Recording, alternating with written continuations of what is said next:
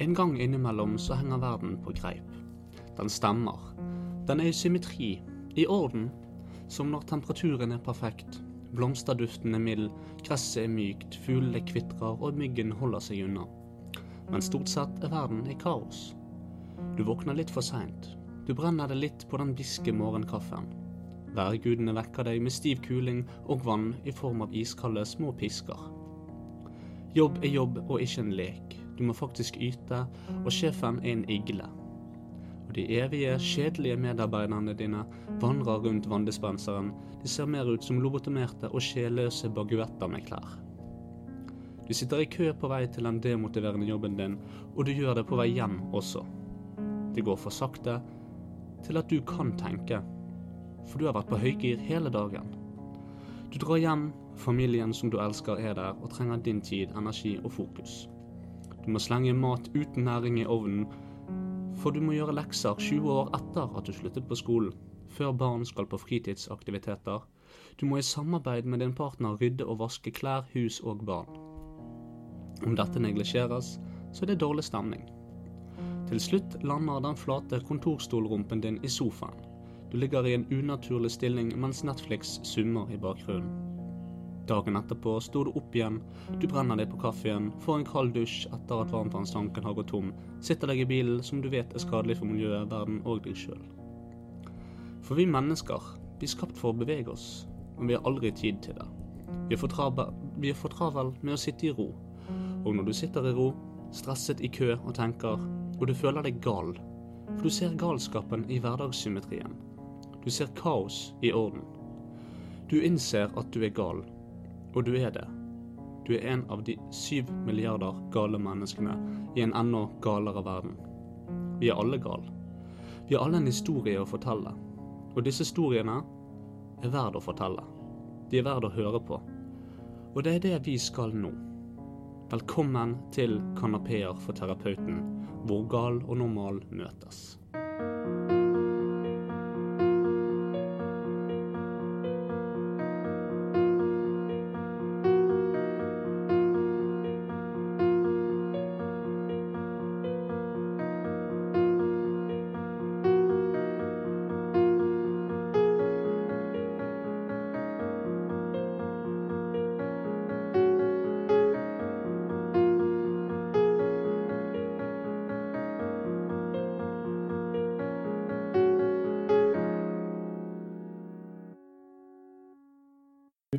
Totalt.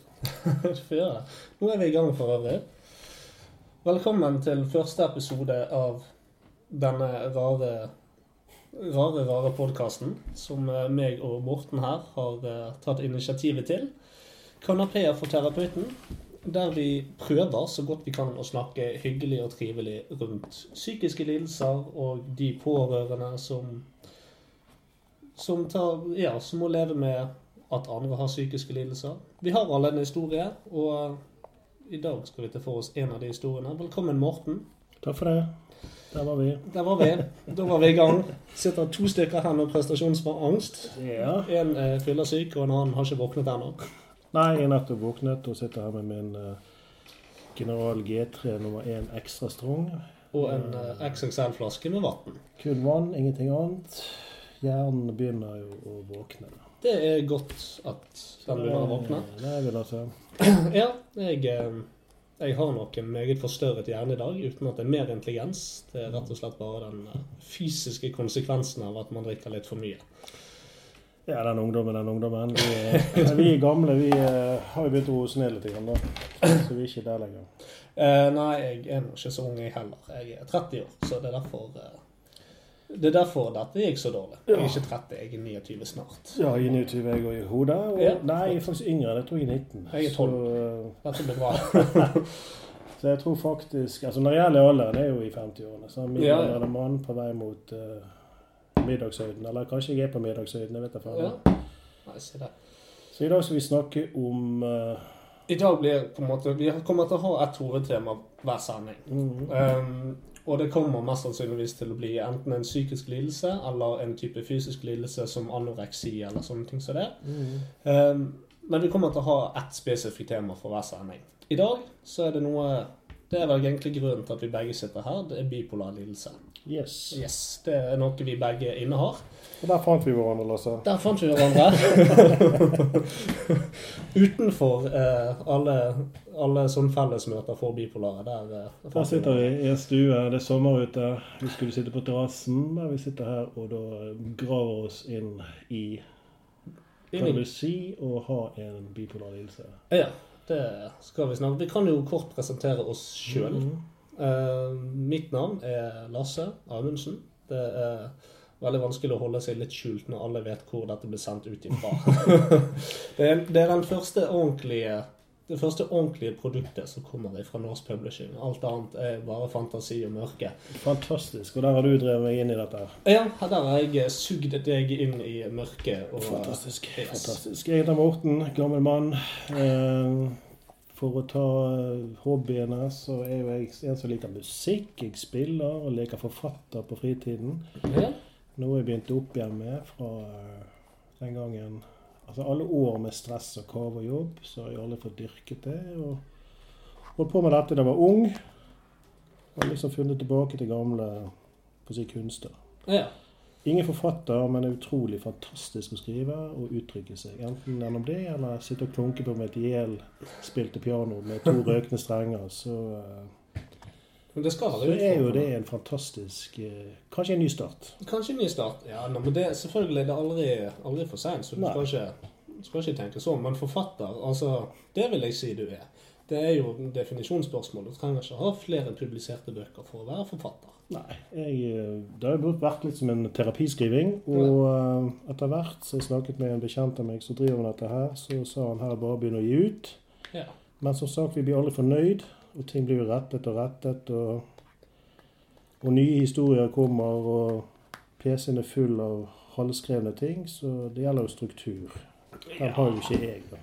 Nei, men det, det kommer. det kommer. Vi har hele livet foran oss, i hvert fall resten av det. Resten av livet. Det er alltid resten av livet. Så det er meg, gift, mange barn. Fire i hvert fall. Så vidt jeg vet. Jeg ligger ikke så langt bak deg. Jeg er gift med to. To unger. Ja, men da er du god gang, sant? Ja. En inngift unge. Ja, ja, men det er jo fantastisk. sant? Absolutt. Ja. Det, ja da. Det, Ellers så yrket mitt er erfaringskonsulent, heter det. Det fine ordet. Miljømedarbeider med brukererfaring på en psykiatrisk klinikk, en døgnavdeling. Ja, for ikke å røpe for mye. I hvert fall et sted på Vestlandet. ja ja. Men eh, Så min, får eh, eh, Så min jobb er jo å snakke om egen erfaring i forhold til min bipolare lidelse. mm. Og prøve å formidle det videre til de som lever med dette. I depresjon og angst og de tingene. Ehm, Det er min arbeidshverdag så totalt annerledes enn det yrket jeg drev med før, som er business opp og ned og Ja. Så det er, det er en ny verden for meg. For når man klarer å holde seg noenlunde stabil over tid, så har man lyst til å formidle hva dette er for noe, og kanskje bidra til at folk får et litt annet syn på det. Mm. Da er jo dette et, et veldig fint medium. Ja. Medie, medium? Medium, media, jeg vet ikke. Det er jeg vet ikke. Men uh, da er jo dette en veldig fin arena Mm. for, uh, for å få både kunnskap og få luftet seg utover. Ja. Um, etter hvert med tiden så håper jo jeg at vi kan uh, få litt kunnskap fra utenforstående òg. Ja da, det hadde vært kjekt. Ja. Altså, er jo en, altså, jeg er jo for åpenhet og den si, avstigmatiseringen Mm. som trengs. Jeg er helt enig der. det, Jeg syns at folk gjemmer seg i dette her. Jeg har aldri hørt om så mange som har ryggproblemer rundt omkring. Jeg har aldri hørt noen ha en psykisk lidelse selv om de er trygdet, eller selv om de er der og der og der. Så jeg tenker en eller annen gang må dette bli som en vanlig somatisk sykdom. At folk kan snakke like naturlig om dette Ja. som en brukken fot eller en kreftsykdom. eller hva det måtte være. Det er jo noe man hører veldig ofte. Det er jo at folk er utbrent. Eh, Mm, og det nei. veldig ofte så sitter det i hodet på en eller annen måte. Det er akkurat det det gjør. Sant? Og eh, jeg tenker at Hodet hører faktisk med til kroppen. står ikke det? Jo, altså, jeg har jo alltid ment det at når folk sier det at jeg Altså, blir du halshugget, så mister du hodet. Men det er vel strengt tatt der personligheten sitter, så man mister vel kroppen. Du mister den. Jeg husker en pasient for å ta taushetsplikten i betraktningen. Altså, Jeg sitter her, sier han. Jeg kommer meg ikke ut. Livet er helt for jævlig. Jeg har angst, jeg har depresjon. Jeg er helt frisk fysisk, sier han. Jeg kan gå tur, men jeg klarer ikke å komme ut av den leiligheten. Eh, folk som har brukket foten, sitter i rullestol, hva som helst. De kan i hvert fall snakke, de kan kommunisere, de kan møte Mm. mennesker. Jeg kommer meg innom ingen vei. Så hva er verst? Altså Jeg ser på klinikken her også jeg jobber, at veldig mye skam. Ja, det Skammen ligger der som en sånn mare hele tiden. altså. Og det er jo på en måte litt rart med tanke på at det er et sted som utelukkende fokuserer på dette. Ja. Så Nei, det er veldig rart. Jeg har, fra jeg fikk diagnosen bipolar, egentlig fortalt det til alt og alle. Eh, Jeg føler at eh, for å komme seg gjennom disse tingene her, så er det det enkleste er, som du sier, åpenhet, Mm. og at alle forstår. Eh, Så jeg har gått, altså jeg har inngående gått i detaljer på hvordan jeg har det, og på hvordan jeg tenker, og jeg har gjort det på den eneste måten jeg klarer å gjøre sånne ting på, med humor og glede. Det er, selv med en psykisk lidelse, så kan livet være utrolig gøy, interessant, og ikke minst, eh, ikke minst selvfølgelig både tragisk og utfordrende, men eh, det finnes alltid to sider ved enhver sak. Og ting kunne alltid vært verre. Jeg, jeg, jeg kunne vært bipolar og eh, hatt dysmeli og osteoporose samtidig. Det hadde vært litt surt.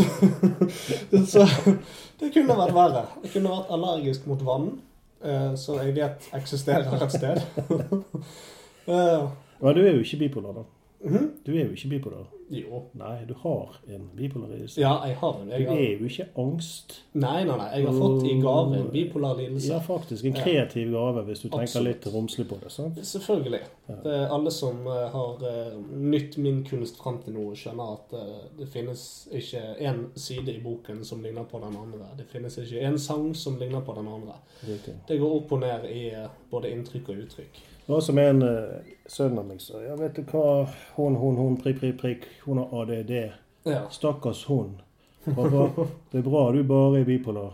Det var jo litt rustende sagt. ja, det er jo veldig fint. Altså, Jeg syns jo ADD er en veldig flott For du har en, du har en mye høyere forbrenning med den lidelsen. Oi, Du kan- jeg er så jævlig feit. Og Jeg har ikke skulle hatt den, jeg. Ja, nei, Jeg òg har jo noen kilo for mye, det ligger, men det ligger seg på hoftene mine. Og det, det syns jeg er litt sånn Det er lite mandig.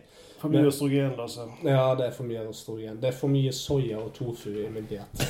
Nei, vet du hva. det er. Jeg spiser kun flintsteik, gjerne til frokost, hvis det lar seg gjøre. Sausen er god. Ja, absolutt. Saus og ost. Nei, tilbake igjen til det. Altså, vi har jo, som han eh, Altså, ja, hva skal vi si? Det, eh, bipolar lidelse er jo en skiftninger i humør, stemning. Det er jo stemningslidelse. Affektiv lidelse, som legene kaller det. Mm. Det vil si, eh, verden går opp, hodet går opp, og det går ned. Ja. Og det er jo nedturene som vi sliter med. ja, altså det er jo Mest, i hvert fall. da. Jeg sliter mest med oppturene. Eh, Ok. Ja, men det, altså fordi at for min del så har oppturene å gjøre med at da er man gjerne så høyt oppe, i alle fall i mitt tilfelle, at man gjør destruktive valg. impulsive Ja, veldig impulsive valg. Sånn eh, på et tidspunkt, eh, bare for å eh, fargelegge litt både hvem jeg er som person, men òg som, eh, som bipolar, så fikk jeg på et tidspunkt et sånn innfall om at nå, nå skal jeg begynne med svart magi. Magi generelt sett. Så gikk til innkjøp av alter, alterduk, eh, en liten statue med en sånn avgud. Røkelse. og uh, satt min hjem på et rom. Tenkte nå skal jeg, eh, nå skal jeg gjøre et ritual. Altså, det var gjerne det var ritualet for gjerne bedre, eh, bedre hell i livet, eller mer penger, eller noe sånt som det. Da leste vi opp. Leste sikkert flere hundre sider om hvordan man skal gjøre dette, manifestere fram hjelpende ånder og demoner og sånne ting. Det var vel én seanse før jeg innså at dette er noe av det dummeste jeg har gjort. Eh, Da hadde jeg brukt mye, mye tid, ressurser og ikke minst penger på å, på å skaffe meg denne hobbyen som varte i to og en halv time. så, så impulsiv, ja. Eh, opprettholdt det impulsive i forhold til det, og så, så faller du. Det er det som skjer. Fordi at man gjør et impulsivt valg, gjerne destruktivt impulsivt, valg, Mm. og så så innser man hvor komplett idiot man har vært, og detter som en eh, Jeg har jo eh, samme, eller mye av det samme, men jeg har ikke vært så hakkende gal. Det mest hakkende gale er vel å starte opp en uh, handyman-butikk på 550 kvadrat, eller kall det et halvt tusen kvadrat, Ja. uten å ha holdt i en hammer før. Jo, men det er det Og investere jækla med penger, og alt gikk jo himmels. Det gikk bra, pengene strømmet inn. Og midt oppi dette, når du jobber syv timers uke, Mm. så kommer det en reaksjon uansett. sant? Og den gikk i kjelleren. Ja, klart det. Og den gikk langt, ikke sant. Eh, Se tilbake på det, så var jo det litt galskap. Alle sa til meg det jo, passer jo det veldig bra. sant? Ja, det, Det oppleves ikke så andre som uh, noe negativt. Men hvem er du? sant? Du er alltid glad, Morten. Du Ja. smiler alltid, du har masse energi. Det er jo ikke min normaltilstand, eller som legene sier, habitualtilstand. Jeg eh, er jo ganske rolig av meg. Ja, Jeg er ikke den uh, hurragutten som i oppturene Det uttrykket i oppturene. sant? Vi, vi er jo fryktelig joviale begge to. Og eh, vi er ikke det. Fryktelig plaget og joviale. Jeg tror det ofte går hånd i hånd. Men det er jo, det er jo som du sier, du, du gjorde dette. Eh, Blant annet. Vi har mange andre gøye tilfeller. sant? Vi klart det. jo, eh, Vi, vi skal nok innom de. Litt impulsive turer og sånn. Så det er Ja. mye gøy vi har gjort. Så kan ene dagen sitter du hjemme, neste dag er du på vei til Syria. I hvert fall til Tyrkia. Ja, ja. Og eh, på vei videre og leier bil og koser deg, og livet er herlig. Så skjønner ikke du etterpå hva faen har du gjort. Nei, altså det er jo Plutselig så er Mastercard overtrukket. og Du sitter med regningen. Så nei, men det er jo dette her med at man får også da en sånn fryktelig forhøyet selvtillit. Så Yes. man blir veldig uovervinnelig i en, en kort periode. Mm. Og da driver man med svart magi, eller, eh, eller satser hele livet og karrieren på, én en ting som Overhodet ikke peiling på. Nei, det, men, men det er jo det, så lenge man ikke så På det tidspunktet var jo verken du eller jeg eh, diagnostisert. Nei, jeg ble det for fem år siden. Ja. Fire og et halvt, ja. Så Ja, jeg ble det for bare et år siden, tror jeg. Ja. Har uh, gjort det beste ut av det etterpå. Mm. Men uh, på det tidspunktet så var vi ikke diagnostisert. Og da, da er det ingen som ser at disse gode ideene hører til en sykdom. I ettertid så kan jo i alle fall for min del så har jo alle forstått at hele livet mitt kan forklares ut ifra dette. På rare, rare valg og prioriteringer. Ja, i hvert fall i de svingningene, tenker jeg. Altså, vi, har jo, eh, vi har jo normale perioder. Jeg føler jo at jeg har vært der en stund nå, da. Eh, takket være medisin, Ja. som eh, heter Lamictal. Som er en epilepsimedisin. Som gir ingen rus, ingenting. Men den stabiliserer da hodet. sånn at jeg er i ferd med å bli et A4-menneske. Og det er Mm. egentlig helt fantastisk. ja, det er samme medisin jeg går på. Eneste Ja. negative jeg har å si om den, er at den, den smaker. Fy. Den er dårlig. Den er ekkel. Den er nasty. Jeg eh, tror ikke jeg har smakt noen andre medisiner som kan sammenlignes. Smaker gamle indianerbarn. Faen. Det er vel ikke politisk korrekt å si nå. Det kan vi ikke si. Nei. Vi stryker den. Gamle, gamle samiske barn. Den stryker vi totalt. Det er greit. Helt i orden. Nei, um, skal vi prøve å Altså, nå tenkte jeg det at vi kommer til å ha en litt sånn intervjustruktur på disse tingene her. Mm, yes. underveis. Eh, I alle fall i alle fall med gjester. Så i dag kommer jeg til å behandle deg som en gjest. Fantastisk. Høres det greit ut? Ja, herlig. Flott. Eh, da har jo vi snakket litt om dette her med bipolar. Men jeg kan begynne med første spørsmål. Så rett og slett fortell kort om den reisen du har hatt med utredning, behandling og terapien rundt denne, denne sykdommen. Syk- Dette var jo utrolig omfattende, Lasse, men vi får prøve da å tenke Ja. tilbake. Kort. Tre timer senere. Eh, etter konkursen, etter depresjonen kom, så eh, Ja, det smalt på alle fronter. Mm. Jeg hadde en lege, en fastlege, som lekte psykolog i mange år. I ti år går med såkalte lykkepiller. Mm. Og det gjorde meg hyper. I ti år hadde jeg kjempeenergi. Og hun så jo aldri de periodene jeg var oppe, for da gikk jo ikke til legen. Nei, klart det. Så det var jo når depresjonen kom og at uh, ting ikke Eller jeg oppsøkte legen, og ting gikk og Da fikk jeg nye piller, og så var vi i gang igjen opp. Yeah. Etter depresjonen så ble jeg sendt videre til det som heter spesialhelsetjenesten. Det tok vel ikke lange tiden før jeg fikk diagnosen. Nei. Behandlingen jeg fikk, det var jo veldig Hva skal du si kaldt. det var en sånn eh, Hva skal du si Forklaring på hva dette var. Mm. Bla, bla, bla. De prøvde ut medisiner. Gikk vel egentlig som et levende Vitus-apotek i den perioden der. Det er jo kjekt. På jobb. Jeg husker enkelte ganger Jeg, jeg var i Tåkehaugen. Jeg husker faen ikke åpnet døren en gang. Det er helt jævlig å tenke på. Ja, det kan jeg tenke meg. Det skjedde vel, gikk vel et år helt til jeg fikk eh, kontakt med en fantastisk lege poliklinikk som fant denne medisinen i en kombinasjon med noe som heter ofiril. Den får det ned. Den har jeg roet litt ned på nå. Og så Ja. har vi en damiktal som får deg opp. Og når de møtes, tenker jeg, så blir det, blir det helt vanlig. Det, ja, det, det, da får man balanse i livet, rett og slett. Så medisinen og det som heter, noe som heter psykoedukasjon, dvs. Si læren om denne sykdommen, som går over fire måneder, Mm. hvor du får vite nøyaktig hvordan dette ut, Altså hva tiltak skal du gjøre sjøl når du kjenner symptomene. Ligge litt i forkant på dette. Ja. Så har jeg begynt med mindfulness. ja, men det er ikke dumt. Hadde jeg sett fem år tilbake i tid, så hadde jeg ledd med skakk. Eller skulle sitte og meditere. Men uh, mye av dette her med bipolar lidelse, det handler jo om tankekjør. Ja, visst gjør det det. Et evig tankekjør. Jeg kaller det hamsterhjulet. Tankene går i helsingens fart, og så går de samme tankene tilbake igjen. Ja. Som hamsteren han løper tilbake til bolet etter tre kilometer. ja. Sånn at den uh, terapien som jeg bruker med meditasjon, mindfulness, det det hjelper meg til å akseptere de tankene, på en måte. ja. Uh, Det handler jo om aksept. Egentlig ikke fortrenge ting. Og etter en økt på ti minutter, så kan jeg som oftest føler meg rolig. Mm. Dette gjøres da i ensomhet. Gjerne på terrassen ute i hagen under epletreet. ja. Der Newton fant, opp, eh, Ja. fant ut av ting òg. Der sitter vi og filosoferer litt, og så begynner dette å spinne, og så roer det det, det ned. Altså Medisin, mindfulness og læren om sykdommen er det som gjør at jeg har holdt meg stabil ganske Mm. lenge. Det, altså, kunnskap er Kunnskap er viktig. Selvfølgelig viktig. kommer disse turene, men ikke i den grad som det var før.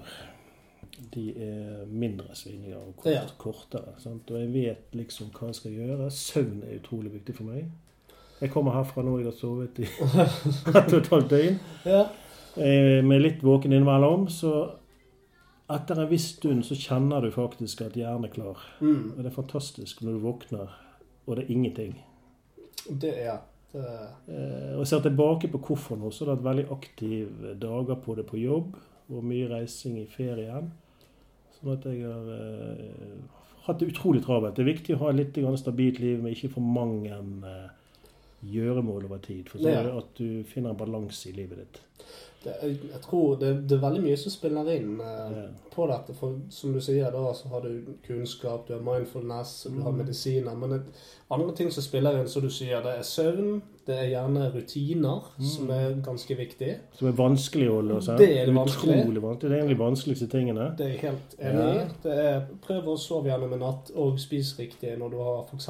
et sykt barn. Da, Ja. det, det er litt vanskelig. Jeg driver jo brøyting om vinteren, så jeg har jo ikke ett døgn som er likt det andre. Det er jo ikke helt optimalt. Altså. Nei, det vet jeg. Jeg slet gjerne vinteren. Mm. Da når jeg kom ut av vinteren, så hadde jeg noen veldig rare perioder Mm. eh, der jeg eh, rett og slett ikke klarte å fokusere. Ja, Merker du også sånn som meg at det er litt sesongvariasjoner på dette? Visst er det det. Visst er det det. Det er lettere om sommeren, syns jeg. eh, Veldig ofte, men det kan òg være vanskeligere om sommeren. Sett f.eks. at jeg Hvis jeg jobber mye om sommeren, så får jeg en, altså, da får jeg en sommerdepresjon. Jeg synes det, det kan være tungt, for da ser du ut Jeg sitter i lastebil da hele dagen, og da sitter jeg og ser ut av dette lille um, et kvadrat store eh, fengselsburet mitt, og så føler jeg meg rett og slett som en sånn eh, sånn ape i bur og kan se rundt på verden rundt meg. Mm. Og så sitter du der. Det, du kan godt ha rutiner og disse tingene her, men, men allikevel så Da skulle jeg ønske jeg var en større del av den verden utenfor, for det, der er det så mye lys.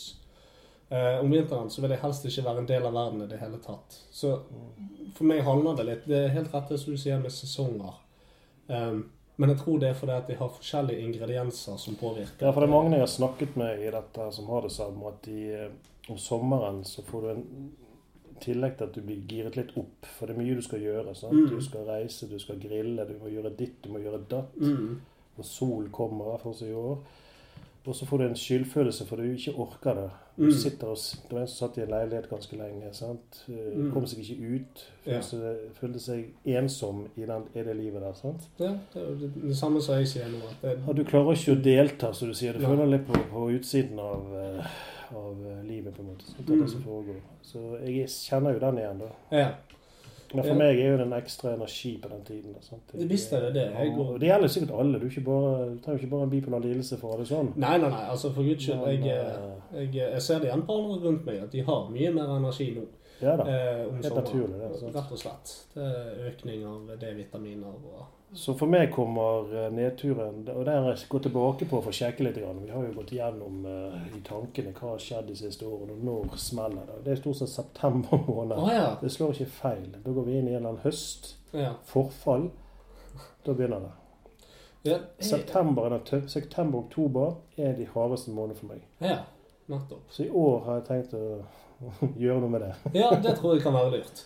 Være litt i forkant på, på tingene og være litt mer strukturert i forhold til hva jeg driver med, og Ja. ta hensyn til meg sjøl. Så i år er det en test på september-oktober. Ja, det blir spennende. Jeg snakket med en professor eh, ute på Sandviken som fortalte meg dette eh, møtet, at eh, de merker det på inntaket på avdeling som heter Stemning der ute, Mm. at i perioder er hardkjør. Ja, ja, det kan jeg tenke meg. Det Og det er ofte samtidig, altså med enten værsituasjoner eller sesongvariasjoner. mm. Så det var litt artig. Det var En gang jeg ringte han ut på poliklinikken og snakket med han. Jeg orket ikke være med på en eh, Det skulle være noen samtaler om noe der. Jeg klarer ikke det, sier jeg. Ja. Merkelig du sier det, for nå er det huset stappfullt der ute, sier han. Jo, men det, det er nok noe i det for, Altså, rundt juletider så er jo det høysesong for selvmord.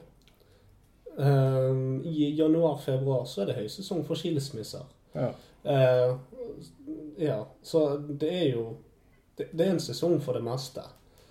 Det er det jo. Men det varierer jo. Noen som jeg snakker med, de har jo oppturene oppturen i den perioden, sant? for de liker det mørke. Ja. For da kan de være litt mer anonym. ja. Eh, Men Man slipper å prestere noe i forhold til sol og sommer og være med Mm. på ting. Sommerferie, bla, bla, bla. Så det er mange har møtt som har det motsatt. Så det, det er ikke noe altså, Nei, men tar du altså dette med selvmord, så er jo det, Mm. så er jo det mye pga. ensomheten. Ensomhet, Altså, Ja. tar du en på 60 som ikke har noen familie eller Mm, noe sånt mm, igjen, så er det alle feirer jul og spiser pinnekjøtt, mens uh, han sitter og spiser Fjordland på, på julaften. Da er det Mm. Mm. Jeg skulle til å si da er det lett å bare ende det. det var ikke det jeg mente, men, uh, men uh, da er det mye ensomhet og mye, Mm. mye lidelse rundt de, de tidene der òg. Skilsmissene som kommer i januar-februar, det er jo fordi at da har man tilbrakt så mye tid med familien at da, da er man rimelig trøtt og lei, altså. Ja, det gjelder uansett psykisk sykdom, tror jeg, så kan det være tøft. Ja. Og etter ferien. sant? Etter ferien for min del er faktisk eh, det, det er faktisk en opptur for meg, altså. Mm. Eh, September-oktober, da, da er jeg på vei opp av en eller annen grunn. får vi snakkes, da. sant? Ja, Så kan vi eh, møtes på midten der, så kan vi få litt uh, får vi balanse i balanse i galskapen der. sant? Ja. Jo, men det er litt av det som er poenget med denne podkasten òg. At vi kan høre litt fra forskjellige sider og sånt. Og det, da, ja, da treffes vi i september og oktober og eh, forteller eh, Hva skjer? ja, hva skjer. Hvordan har vi det nå? Den er god. Ja. Den er god. Men i forhold til Ja. um, før og etter både medisiner og diagnoser og sånn, hvordan, eh, hvordan så en hverdag ut for deg da, og hvordan ser det ut nå? Eh, Altså før Altså med min Altså jeg snakker kun av egen erfaring. Jeg vet jo at der, innen dette her så er det så mange variasjoner at du kan nesten ikke Altså felles er jo opp- og nedturene. Hva som ligger mellom, og hva folk sliter med, hva tema de har, det varierer jo selvfølgelig. ja, visst gjør det. For meg er nedturene også angst. Ja. En knallhard angst og eh, hissighet. Ja. ja, klart det. Man, eh, Hissig. Jeg er si, Angsten og depresjon henger jo sammen. altså Det går som hånd i hanske. Så, så, så det går liksom i en eh, spiral nedover dette. Det, altså det er litt rart. Jeg har kjent deg veldig, veldig lenge. Mm. Men at du, at du sier at du er hissig, det, det er noe jeg har litt lyst til å se. For det tror jeg aldri jeg har sett. Altså. Nei, jeg kan være hissig. Jeg tror det er mange sjefer i mine yrker uker tidligere, så jeg burde bedt om unnskyldning. Ja, Jeg tok aldri mine ansatte, men eh, Nei. jeg kunne be de brenne i helvete. Altså, for, si minst, for det minste bagateller. ja, det, Du må aldri si unnskyld oppover. Bare nedover. Nei, jeg burde, jeg burde gjort det. sant? Når sjefene gjemmer seg når jeg kommer ned i kjelleren, så er det klart at uh, Morten har jo temperament. sant? Ja, men det Eh, Skal man unnskylde for det? Skal man unnskylde for den man er? Nei, altså jeg bare tenker mye var urimelig den gangen der, og det verste var vel og Depresjon er for så vidt grei. Egentlig er det. Det er angsten som er Altså, han lammer jo deg totalt. Ja, ja, visst gjør det. Sant? I de to årene når det er fortelling, jeg kaller jo det årene i koma, så tør du jo faen ikke gå ut av døren engang. sant? Nei. Jeg traff en nabo som sa 'halla igjen'. Jeg har ikke sett det på to år. Ja, og kommer svetten med en gang. Og, Svetten siler, og angsten den eh, prøver å forklare dette. Da.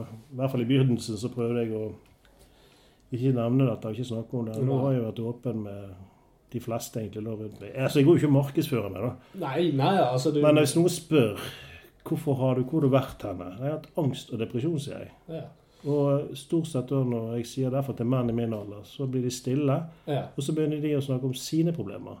Ja, ja, Så jeg er sitter jo igjen som en erfaringskonsulent der også og må høre på deres eh, elendighet. sant? Eller deres utfordringer. Så- Jo, men det er jo en døråpner til noe som ingen tør å snakke om. Eh, og bryter du først den isen, så er det gjort. Så er Eller åpner Pandoras ask, eller hva du vil kalle det. Så for meg å komme ut av det bipolare skapet, det er jo fantastisk. Visste du det? Det er jo Og- berikende. Kunne få lov nå å hjelpe, eller i hvert fall være en liten link på den klinikken jeg Mm. er jo helt utrolig. Og det viser jo seg at gode tilbakemeldinger Jeg har aldri fått så mye skryt. ja, men helt alvorlig. Det har vært så utrolig givende.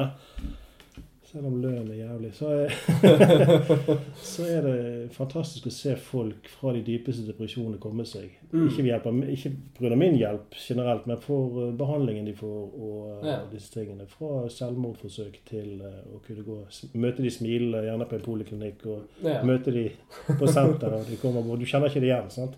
Nei, det er fint å se de kontrastene.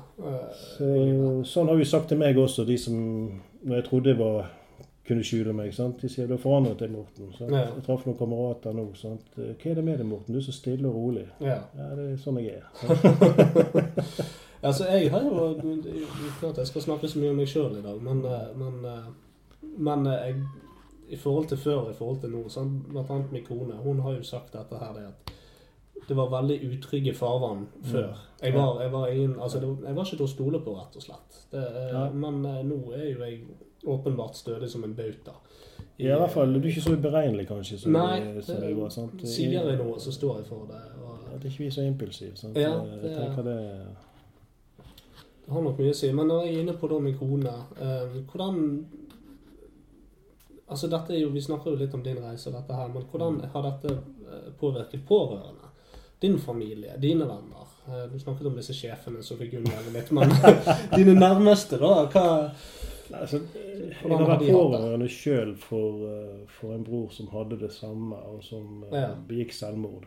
Nettopp. Og eh, som jeg også fant dagen etterpå, eller ja, noen dager Ja. etter han hadde gjort det. Og jeg tenker jo at jeg har vært pårørende, og jeg vet hvor jævlig det er når de prøver å hjelpe, og den ene dagen er det bra, og du faller tilbake igjen. Mm. Det er en kjempepåkjenning for de som er pårørende. Og min kone, og selvfølgelig mine barn. Ja. Eh, De har det like tungt, om ikke verre. sant? Det, det er veldig vanskelig Mm. for oss som har disse, disse eh, lidelsene. Så er det, det er lettere for oss å takle det. Fordi at vi kan eventuelt kjenne at det kommer, eller vi kjenner igjen mønsteret, tankemønster og sånne ting Mm. som det er underveis. Men for pårørende så er det utrolig vanskelig. Det, da er, går vi rundt som vandrende enigmaer. Ja, det altså, når jeg begynte dette greiene tidligere, så sa min kone alltid 'Hvorfor vandrer du rundt nå?' Nå går du opp, Mm. hører musikk, du går ned, du klarer ikke å se en TV-program. Du klarer ikke å se en serie, ingenting. Du er på terrassen, du er borte hos naboen og drikker. Ja. Du har ingen ro i kroppen, ikke sant? Nå har jo jeg tatt meg sjøl i å se en hel serie. Sant? Det begynte med den der Breaking Bad. Jeg vet en gammel, jeg vet en gammel film, altså, men, Ja, nei, eller serie. Absolutt verdt å Men jeg har faktisk sittet og sett på den i Ja. ro. Veldig bra. Det er en verdt å få med seg. Også, det sa hun til meg òg. Du sitter jo faktisk i ro nå. Du løper ikke rundt. Eh. Ja, det er jo flott. så i ettertid så Hjernen har stilnet dette tankekjøret. Selv om til tider Mm. så begynner det. sant? Men uh, jeg vet når det skjer. Jeg kan holde meg, jeg kan ta dette tidlig. Ja. Sånn som dette heter hypomani. Jeg har jo en bipolar 2-lidelse, som mange sier ja, det er en light-utgave. Jeg vil påstå at det ikke er det. Nei, det Men kanskje det at folk ikke oppdager at du har det, så betyr at du bare har veldig mye energi. Ja. Eh, jeg eh, Mens depresjon er jo like hard som en som har bipolar 2-lidelse, og de er, de er tøffe. Ja, visst er det det. Det det, er gjerne ofte sånn at man er, man er ute, ute blant folk, og man er utadvendt og sånt når man har disse oppeperiodene. Men når denne angsten og nedperioden kommer, da man, man sperrer seg gjerne litt inne og sånt, og da er ikke det så mange som ser det i perioden. Nei, og så skal du Du er jo ute blant folk, sant, og du har den jævla masken på deg, sant. Du smiler, men uh, Ja. du klarer ikke å komme deg vekk fort nok, sant. Ja, ja. Uh, det er jo det verste. Det er Ja, ja. spillet, som jeg ikke lenger egentlig driver så mye. Nei, det er jo. Jeg har bare- vel uh, roet det litt ned. da. Men det er det. Jeg har gjerne snakket med kunder. Jeg, når jeg, Ja. sant? Og så, hva, ja, hva, vil du ha en, en Jeg hadde jobbet på Statoil for lenge siden, sant? Mm. og da var det Ja, du vil ha en baconpølse. Ok, sant. Det, det du sier, men inni deg så tenker du at jeg skal kjøre den baconpølsen langt ned i halsen på deg, så du kveles her rett foran meg. Så skal jeg bruke moppen til å dytte deg ut. Eller være så jævlig at hvis det kommer en feit mann inn i den butikken og skal ha en hamburger, Mm. i kø der, så skal du rope ekstra høyt. Ja. Skal du ha alt på? Ja. Skal du ha det òg? Er du sikker på at du må ha fire dobbel ost på den? Å ja, du kjøper Cola Light, ja. Ja, for det hjelper. Det hjelper virkelig. Nå har du kjørt i det så mye. sant? Jeg tok jo den en gang, og jeg sto i butikken bare for å Mm. oppleve det, og så spør han eh, hva skal du ha på. Ja. Jeg skal ha det og det. Så roper han høyt. og, Ja, du skal ha alt på, altså. Ost og bacon. Og så står det halvfeit, og så sier du ja. Og snur rundt deg og faen meg eh. Det var nå det. Nei, altså Livet er blitt mye annerledes. Ganske annerledes enn det var. Mm. Selv om uh, episoder kommer og går hele tiden. Ja. Eh, Men det er nesten et mønster hos meg, da. ja. Det, det er nesten et mønster. For mye jobbing, nedtur. Sånn som jeg har hatt nå, mye jobb. ja. Så kommer to dager med søvn hvor jeg ligger i koma. Og Det blir, det blir, det blir sånn, men, men bak denne reisen og denne lille gaven du har fått, og, og, alt dette du, du har jo alltid ja, Det er som du sier, da, folk flest sier gjerne at du har forandret deg, og sånn som det, men du har jo alltid vært deg. Eh, helt riktig. du har alltid vært deg. Ja, det er helt riktig. Og, og da lyder mitt spørsmål som følgende. Hva, hva underveis har du på en måte lært om deg sjøl? Fordi at man kjenner seg sjøl på en annen måte. Mye pga. sånn som du snakker om mindfulness og dette her. Det er at man, man er ikke bare bevisst på at man da har en lidelse. Man blir også bevisst på hvem er jeg, og, og alle disse tingene her.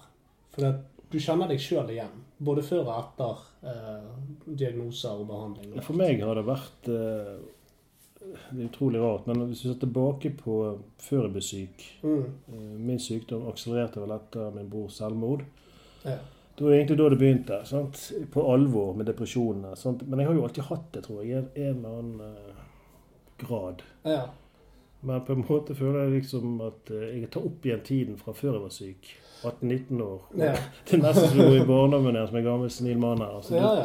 Jeg tar opp igjen hobbyene, eller de tingene jeg likte. Mm. Lese, skrive, trykke på det gamle pianoet.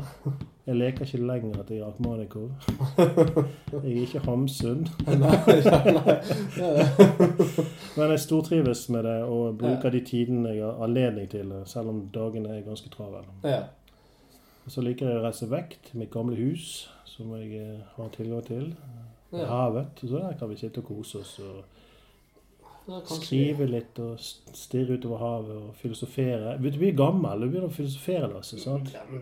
Gammel, jeg, jeg, Begynner å se tilbake på ting. sant? Og tingene har roet seg, og du blir den du er. For i de situasjonene og fasene hvor du er oppe og nede, så er du ikke deg sjøl. Nei. Nei da, det, det er du ikke. Men det er veldig Det er òg litt sånn rart, for du er jo deg sjøl hele tiden, men du er ikke deg sjøl. Altså, Mm. plutselig så settes alt eh, Hele din personlighet settes på en måte til side for uh, helt nye verdier, plutselig. Ja, det er akkurat det. helt Ja, nytt fokus. Helt riktig. Helt riktig. Um, men for min del, uh, før og etterpå, så vil jeg egentlig si det at min personlige utvikling gjennom dette egentlig har bare vært at jeg sitter igjen med en mye mer forhøyet selvtillit. Um, hvis du, du som kjenner meg godt, så har jo jeg i løpet av det siste året gjort ting som jeg aldri har gjort Nei, det er fantastisk. Eh, Eh. Så det du på, på Litteraturhuset. Ja. Seansen, som jeg kaller det. du det der. Var jo, da var jeg stolt av deg. Altså. Jo, tusen takk. Jeg var veldig stolt av meg var sjøl. eh, standup, det var alvor. Mm. Du sto fram. Du kom ut av skapet. Du skulle hatt et skap der, forresten. Ja, jeg altså. skulle Du hatt et ut av- Jeg skulle deg. Nei, altså det var fantastisk å høre på. Du er flink. Ja. Jævlig flink. Men eh, jeg hadde ikke hatt selvtillit til å gjøre det før. Um, før jeg ble medisinert og, og gikk gjennom den behandlingen. Nei. For, for det første så hadde jeg aldri klart å sette sammen noe. Uh, sånn som så det. Eh, men jeg tror første steget mitt for å på en måte uh, begynne å kartlegge meg sjøl, det var å klare å fullføre denne boken Mm. som jeg har skrevet. Mm. Um, det er vel det første jeg har klart å fullføre. Mm. Eller jeg har jo produsert en datter, hun er jo ganske fullstendig, men Men, men når jeg fikk gjort det, så, så tror jeg at jeg fikk tømt meg veldig, og da begynte jeg å innse at det, det er noe her Mm. eh, i meg som, som um, på en måte må ut, eller det må, det må kartlegges på et vis. Mm. Eh, men, uh, men det var ikke før etter jeg klarte å fullføre én ting. Nei, men det er jo en innsikt du får etter hvert. Det er jo det. det, er jo det. Man lærer av seg sjøl bare, ved å- bare ved å jobbe gjennom ting. Og Ja, og ikke bare på, på sykdommen sin, men rest, altså, det meste i livet, tenker jeg, Mm. får du et litt annet syn på. Jeg tror ikke de hjemme sier Hva var det en som sa til meg, en av sønnene? Fra sammenbrudd pappa til gjennombrudd. han. Så det, er litt, Veldig godt sagt. det var jo litt eh, ok, det, da. Ja, det synes jeg. Så ja, hva skal vi si da, Lasse? Det er opp- og nedturer fremdeles, Mm. men vi kan hanskes de. Og det er jo vitsen med denne sykdommen. Det, det sterkeste Altså det jeg prøver å formidle til de som jeg snakker med der ute, det er å lære hva dette går i. Ja. Rett og slett informasjon. Tilbake til kunnskapen, ja. Og så i samarbeid med legene finne den medisinen som funker. For det er millionmedisiner. Mm. Ja, visst er det det. det der er det, er ingen, det må testes ut, og det kan gå lang tid. sant? Altså Grunnen til at det er en million medisiner, det har ikke bare med, har ikke bare med konkurranse og marked og disse tingene her å gjøre. Det er vel, vi er syv milliarder mennesker, og vi har alle forskjellige responser på dette. Mm. Um, så jeg kjenner folk som har eh, prøvd i løpet av bare dette siste året syv forskjellige antidepressiva. Ja. Uh, ingen funker. Uh, noen av det gjør at de får utslett, andre gjør det at de blir komplett gale. Altså de har motsatt virkning. Ja, ja. Eh, så derfor er det veldig, veldig mye uh, medisiner der ute. Mm. Men skaffer du deg kunnskap, så er det allerede det. Bare det at du får en diagnose, for, i alle fall for min del, Mm. så var det en bør av skuldrene. Du forstår deg sjøl mye mer. Når du da får snakket om det med en, eh, med en autoritetsperson eller noen som er ekspert på dette, så hjelper det veldig. Eh, Men medisin er på en måte siste Ikke spikeren i kisten, men det, det er det som til slutt gjør at du på en måte kommer deg ut ifra det. Ja, og når du har funnet den, og dette tror jeg er veldig viktig, for det møter jeg en del mennesker som uh, sliter med. Altså, etter du har funnet den balansen, så er det å identifisere seg med sykdommen er jo livsfarlig. Visst er det det. Fordi at jeg møter mange unge, spesielt unge mennesker, som sier hele tiden at ja, det er ikke noe fremtid, jeg er jo bipolar. Ja. Så sitter jeg der og snakker med dem. Er du, er du lege, spør de. Nei, jeg er en erfaringskonsulent, miljøarbeider med egen erfaring. Ja. Jeg har hatt dette hele livet, jeg har jobbet hele livet. Ja, men går det an da, liksom? Ja. Så hvis du går inn i den rollen som en bipolar, ja. og lever etter den, så, så er jo det livsfarlig. Altså, du, ja du, visst er det det. du kan ikke gjøre noe ting i livet. Du Nei. er jo ikke den diagnosen. Nei, det, det, sant? det, Det, du identifiserer. Det er mange som gjør dette. og Der skulle legene, mener jeg, være flinkere til å bruke jeg, er, jeg er helt enig. Det er jo klart de som er veldig syke, og det er jo noen som har en helt altså som ikke klarer å mestre dette livet. Men alle kan klare å få det litt bedre. Det er det jeg ser. Noen kan leve altså Ha et liv allikevel, selv om du sitter der. eh, Så må du kunne Så kan de klare det uansett. Visst, ja da, absolutt. Det Men, er- men det der å identifisere seg med sykdommen, det er det verste som kan skje. Og det begynte jo jeg med når jeg fikk Ja. dette. Jeg fikk jo den da jeg var 7-48 år. ja. På en måte er jeg glad jeg fikk det så seint. samtidig som jeg fikk en forklaring på hvorfor det har vært sånn, Mm. så er det samme med meg, og da begynte jeg å identifisere meg. OK, jeg skal ligge på den sofaen resten av livet. Ja. Jeg skal inn og ut på et eller annet sinnssykehus. ja, du tror jo det at du skal få på deg eh, Ja, tvangstrøyen. Som at og- nå er dette plutselig kommet nå. Det har jo vært hele tiden. Ja. Og det er jo motsatt. Du får jo faktisk eh, et bedre liv. Det, Ja da. Det, det vil jeg si. Altså til alle som Jeg har jo mange venner som, eh, som eh, ennå ikke har fått barn. Eh, For meg er det to ting som på en måte har sparket meg videre i livet. Det var, det var barn og denne diagnosen. Altså Etter jeg fikk diagnosen, så har jeg virkelig utført ting. Mm. Og etter jeg fikk barn, så har jeg virkelig utført ting. Livet stopper ikke. Det, det får faktisk en akselererende effekt for, for egentlig alle, hvis de bare aksepterer det, godtar det og ikke identifiserer seg med det, men heller identifiserer seg utenfor det. Ja. Og sier dette er noe jeg har, jeg kan gjøre det beste ut av det, eller jeg kan ligge meg ned og dø. Du er Lasse. Du er ikke noe annet enn Lasse. sant? Absolutt. Og, eh, Jeg er Hva var det han sa, han Michael Persbrandt, min favoritt Min favoritt eh, eng eh, svenske skuespiller? At uh, noen tar litium, mm, sant? og noen tar uh, Imodium, sa han. Ja. Det, får skiten ut sånn. Sant? Altså, det, det funker, det òg. men du identifiserer jo det ikke da med en uh, somatisk sykdom. nei. Jeg er kreft, sant? Nei, nei, nei. Hei, jeg heter Simon. Jeg er schizofreni. Ja, Det, nei da, jeg er Simon. Jeg, ja. jeg er lastebilsjåfør, og jeg er en mann. Først og fremst. Etterpå det så har jeg en sykdom. Men eh, man, man går ikke rundt og sier 'Hei, jeg heter Lasse, jeg er influensa'. man gjør jo ikke det. Nei, Det virker som de såkalt alvorlige sykdommene. sant? Det er jo det det står alltid.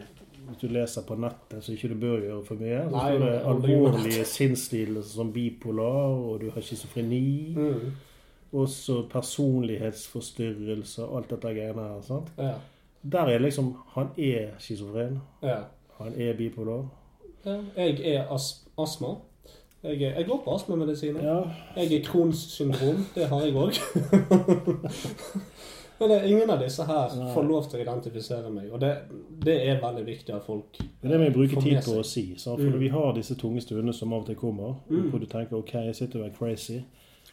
Så må Ja. du faktisk si til deg sjøl at uh, du er Morten, Ja. du er Lasse. sant? Absolutt. Og så kan du se tilbake. Jeg tenker jo ofte tilbake på all galskapen jeg har gjort. sant? Ja. Men det kan du ikke gjøre noe med. Nei, det er Så Veldig sier han vanskelig. eh, kjære Wilhelmsen, hypokonderlegen, psykiater Wilhelmsen, sier du kan ikke gjøre noe med fortiden. Nei. Men det er hvordan du forholder deg til nuet sant? Det er jo det. som gjelder. Det er jo det. Absolutt. Men det, men det er jo der du snakker om denne galskapen fra fortiden og sånt. Jeg syns det er veldig greit at jeg er gal utenfor bipolar òg. Ja, Så, jeg er Lasse, jeg er gal først og fremst, så trailersjåfør og bipolar. ja da, jeg eh, Hva skal jeg si, da? Jeg har det ganske stabilt nå. Mm. Jeg følger reglene. Jeg- gidder ikke finne opp uh, hjulet eller det kruttet du finner opp på nytt. Nei, altså Det, det kommer an på eh, hvordan du bruker det. Jeg følger faktisk eh, legenes råd, Ja. og jeg er ikke førstemann som har hatt dette eller har det. Nei, det er du heldigvis ikke. Sånn at hvis du følger de rådene og ikke styrer på så mye, så funker jo dette på et vis. sant? Det gjør jo det. Det gjør jo absolutt det. Det er, vi, vi, vi kommer jo inn i litt sånn formanende nå, eh, Mm. vil jeg si. Litt sånn eh, Ja, vi må ha det. Visst må vi det. For det, vi har jo på en måte kommet oss opp igjen, og Ja. vi vet jo ikke om neste gang at det kan skje noe igjen. Klart det. det Og vi kan bekymre oss for hva som kommer til å skje. Det hjelper jo ikke. Det blir ikke bedre hvis det skjer, som han sier. Jeg bruker Wilhelmsen her også. ja. Du kan ikke Det hjelper ingenting å forberede seg og grue seg til neste, eventuelt en neste gang. Nei, Når nei, nei. det skjer. Nei, nei, Det blir ikke bedre, sant? Nei, Tvert imot. Jeg går ikke rundt og gruer meg til neste influensa.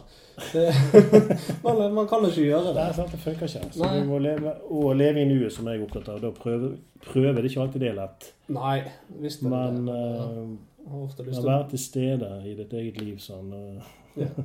Vær, vær bevisst på hvem du er, og hva, hva som er viktig for deg, rett og slett. Akkurat her og nå.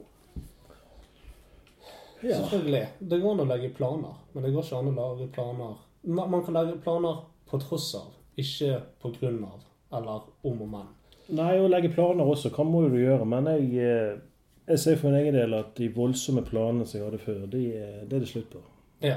Jeg eh, kan eller vil ikke planlegge så veldig mye. Nei. Selvfølgelig er det dagligdags så at eh, jeg skal møte deg her, sant? Mm.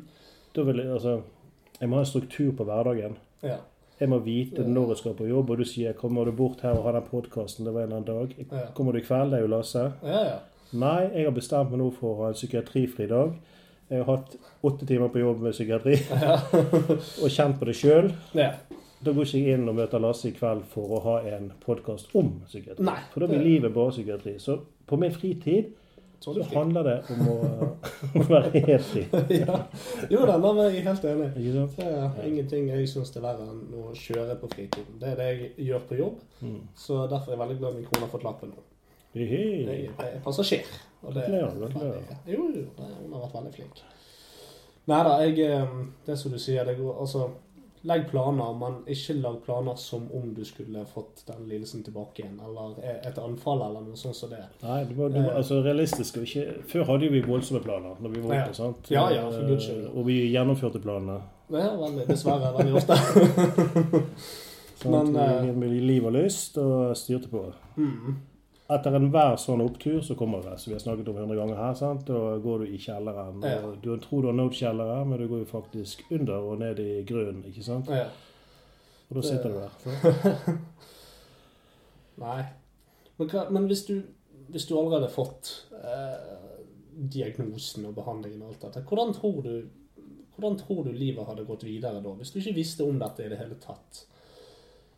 Eh, Jeg har tenkt litt på det. Eh, Tenkt mye på det, faktisk. Ja, det er en veldig prevalent tanke, hvis det er riktig. Og det er både og. Dette med diagnoser ja, Altså, jeg hater det. Ja. Dypt og inderlig. Hvis noen ikke Altså, hvis vi kunne kuttet ut alt heter diagnoser, Ja.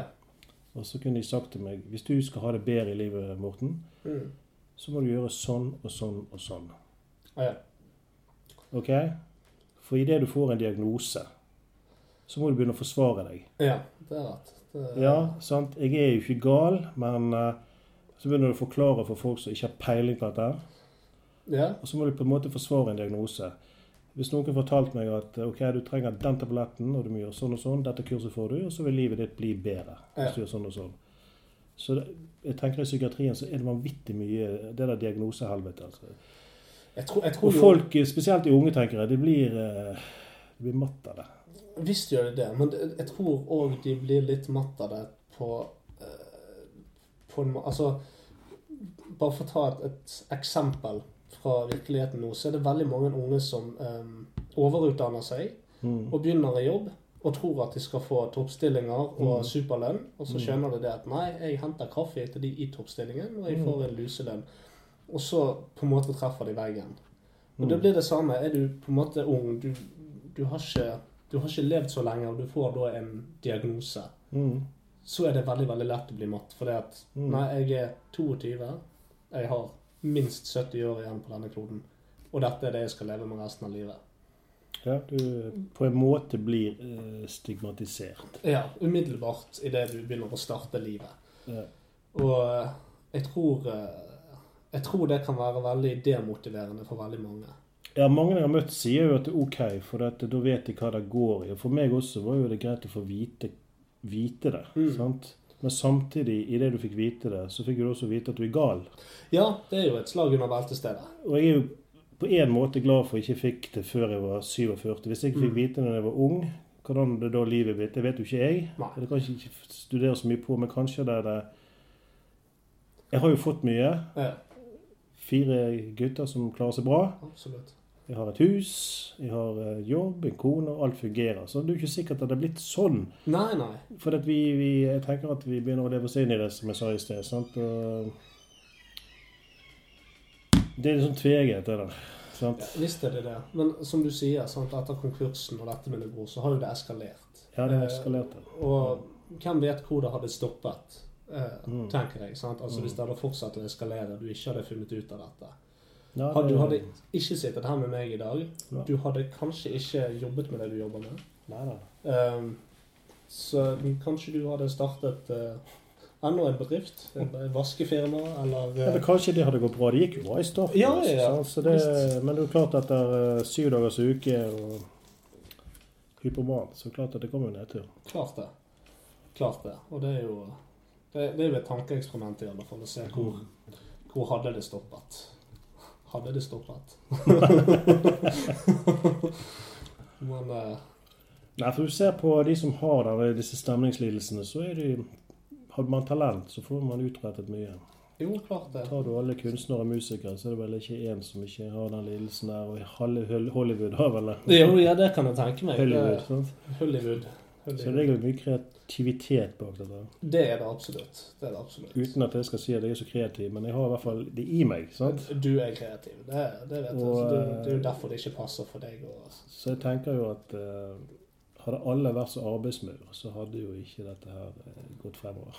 Nei, det er rett. Hvis vi skal få eh, skryte litt av oss sjøl. Ja, selvfølgelig skal vi skryte av oss sjøl. Det, er- det syns jeg absolutt vi skal gjøre. For det at eh, Nå er jeg inne på egentlig neste spørsmål. Det, det er det vi snakker om. Altså, hvilke, hvilke positive sider har denne på en måte Altså, hvis du Hvis du går kun på lidelsen, hvilke positive sider har det ført med seg? Altså, jeg har jo eh, vært utadvendt så det holder. Jeg har møtt så Mm. mange mennesker. eh, Bygget nettverk. Bygget nettverk. Og jeg er jo en av grunnene til å jobbe der jeg jobber, er at jeg er utrolig interessert Ja. I mennesker. Og ikke nødvendigvis da sykdommen, men jeg, når jeg snakker med disse, så er jo det Hva er bak de? Altså, hva er Mm. hobbyene? Hva driver de med? Og jeg har jo lært så mye på den institusjonen der. Så når jeg skriver rapporter, så samsvarer jo ikke det med, med de andre. ikke sant? For jeg Nei. har ikke snakket så mye om sykdom. Du Jeg snakker med personen bak sykdommen. Ja, og det er det jeg er interessert i. For uh, depresjon og angst føler jeg det er liksom Jeg kan ikke si rutine, det høres litt sånn kjedelig ut. men Jo, ja. Eh, kynisk ut, men jeg tenker at eh, det interessante er å finne tilbake når du er i en depresjon, det som gjorde deg glad. ikke sant? Og, og jeg er blitt mer positiv i forhold til eh, den biten. Ja. ja, det er jo veldig flott. Ja da, nei, det er bare noen som snakker på høyttaler der inne, så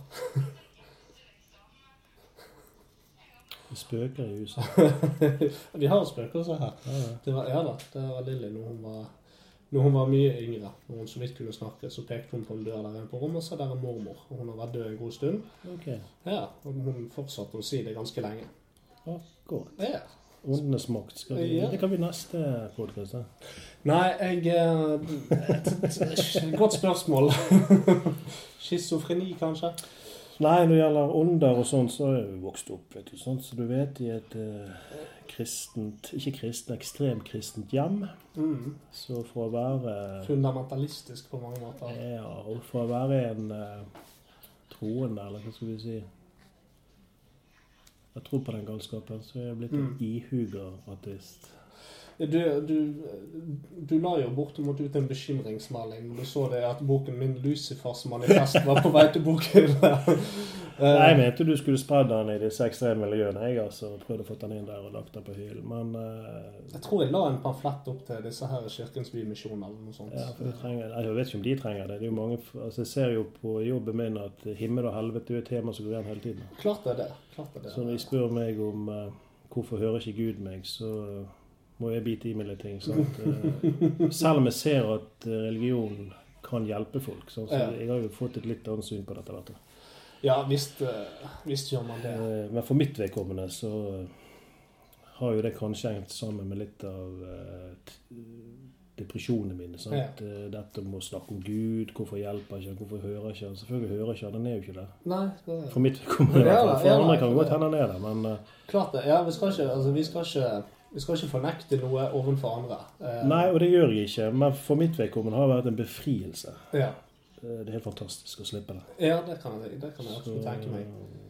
Eh, Jeg har sluttet å bedrive svart magi, som sagt. Så det er veldig greit å vite at åndene og demonene ikke ser ned på meg. Nei, Agnostiker heter det vel. sant? Kanskje Ja. det finnes noe der ute, men for mitt vedkommende så får vi vente til om det skjer etter døden en gang. Det er ikke mitt problem nå. eller Det er ikke det jeg tenker på. Nei. Det er her og nå, og det er mitt liv. Og Ja, de rundt meg sitt. Sant? Jeg, eh, Ta kontroll over ditt eget liv. Ikke la en uh, gammel, skjeggete mann uh, som er en treenighet, styre deg på en, på en eller andre måten. nei, det er uh, fantastisk å slippe. Absolutt. Jesus var en snekker, og ikke mer enn det. Ja, nei, jeg eh, vet ikke. Jeg har ikke peiling, men det gjelder ikke noe for meg i hvert fall lenger. Eller det har ikke noe med meg å gjøre lenger. Nei. Så da var vi innom det religiøse, Lasse. Ja, Og svart det? magi. Det er jo det vi, vi har vært på hver vår side, egentlig. Da, i Ja. alle sører. Nei, altså det, det er jo det som skjer, sant? Fordi at um, altså religion det er veldig til stede i verden. Mm. Uh, når jeg går til svart magi, eller når jeg gikk til svart magi, så var jo det Det var jo en type opposisjon òg, vil jeg tro. Mm. Um, men man har jo gjerne vært ute for uh, ekstreme opplevelser der man faktisk henvender seg til Gud, selv om man aldri har vært noen troende. Mm.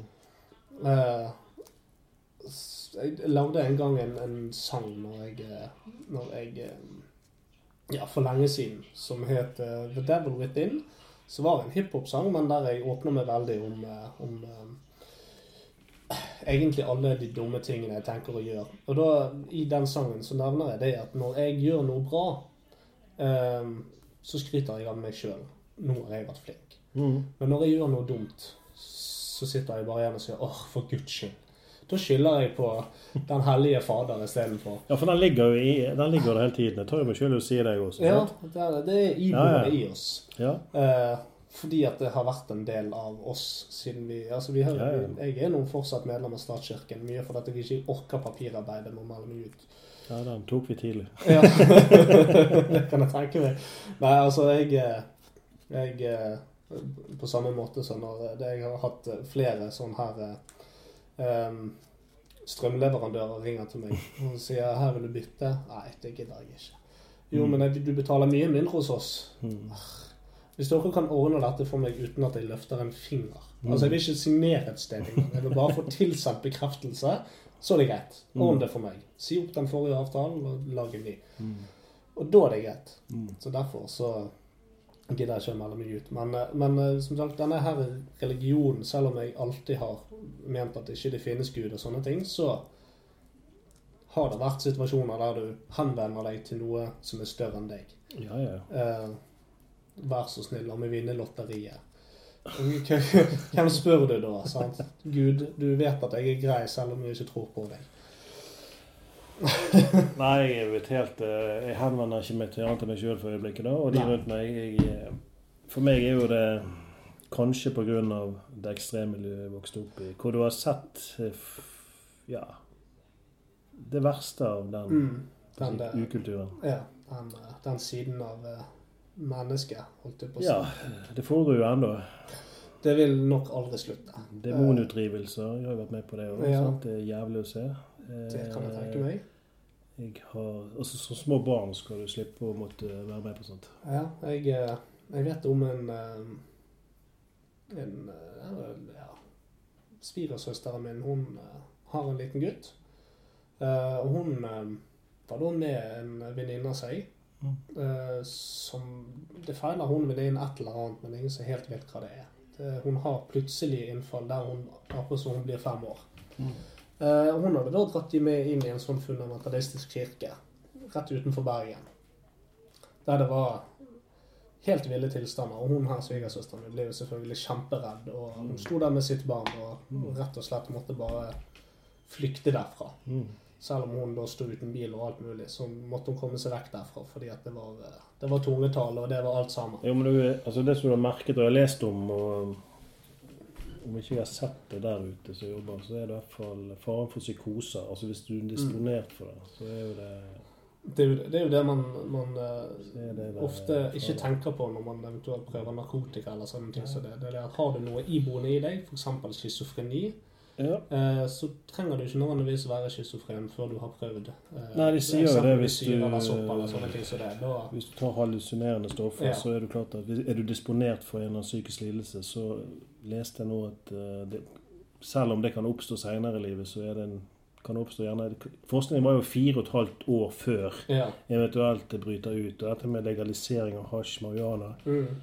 Du får aldri høre den siden. Nei, du gjør ikke det. Jeg ser mennesker komme inn med rusutløste psykoser, sant? Ja. og kanskje det er starten på en uh, schizofreni Mm. eller eh, lidelse, sant? Så, eller bipolar lidelse. Ja, Så det der er farlige stoffer for de som er disponert for det. ja, det er jo det. Mens mange andre kan leve sikkert greit med det, det, det vet ikke jeg, men uh... Nei, altså, det, jeg tror eh, Jeg, jeg tror det, Jeg har hørt veldig mange på en måte historier om folk som aldri har hatt problemer med det, men, Det er ekstremt mange historier som er der man har utløst eh, Ja, jeg oppdager, altså Hver uke så kommer det mennesker Ja. inn som ikke har hatt uh, psykose som hvor det er rusutløst. sant? Og det, Ja. det skremmer jo meg veldig. I hvert fall når vi snakker om å legalisere dette. For Ja, det er ja. mennesker som ikke har peiling på det. Ja, det, det Jeg hadde ikke peiling, jeg heller, men jeg har lært meg opp på dette. Ja. Den, den skolen og disse tingene jeg går på, og sett det sjøl, Ja, så jeg er livredd. ja det, det skjønner jeg veldig godt. Det er Man har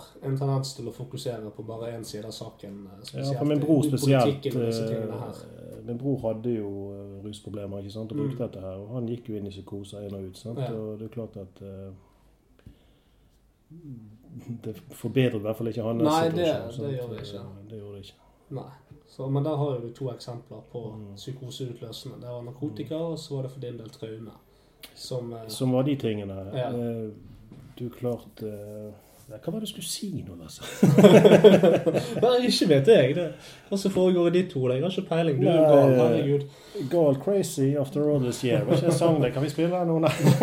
Vi skal snart spille musikk. Vi, er, vi runder snart av, Ja. tenker jeg. Vi har eh, snakket veldig mye om akkurat dette her. Mm. Så eh, Da kunne vi tatt den lille sangen min, ja, så du kan eh, flette inn. ja absolutt. Den er jo veldig, den, altså den eh, beskriver veldig mye Ja, av det vi har snakket om. det gjør det. Når det gjelder nedturer og Oppturer og Jern som er alene når det skjer. Du Mm. kan ha så mange mennesker rundt deg, men eh, når det smeller, så er du alene. Absolutt. Helt aleine. Sitert Skogens konge. Tusen takk for oss, i alle fall. Vi, eh, vi snakkes. Vi snakkes sikkert igjen Det gjør vi. i en eller annen depresjonstilstand, eller I september må vi gjerne snakkes igjen. Da får vi se. Var ikke det vi snakket om? Jo, i alle fall. Jeg tenker vi får til en august-episode òg. Tror ikke du det? Vi gjør det. Takk for oss, og håper det har vært interessant nok til å høre på oss igjen.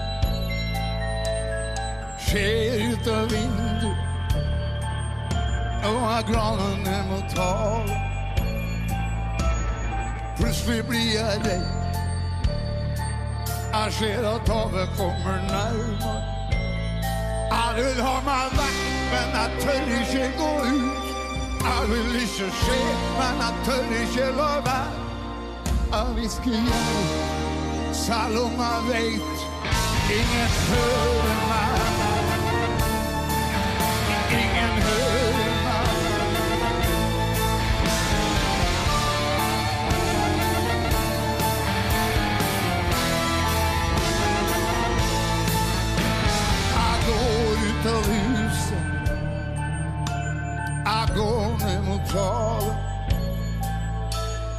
Hører ingenting. Naturen er helt stille. Og tjern dem krymper. Og havet tørkes bort. Jeg går og går og går og går. Men jeg kommer ikke nærmere. Jeg snur og ser tilbake, huset fullt full av mennesker. Jeg må klippa, men havet er forsvunnet. Jeg roper hjelp, selv om jeg vet ingen vil høre meg.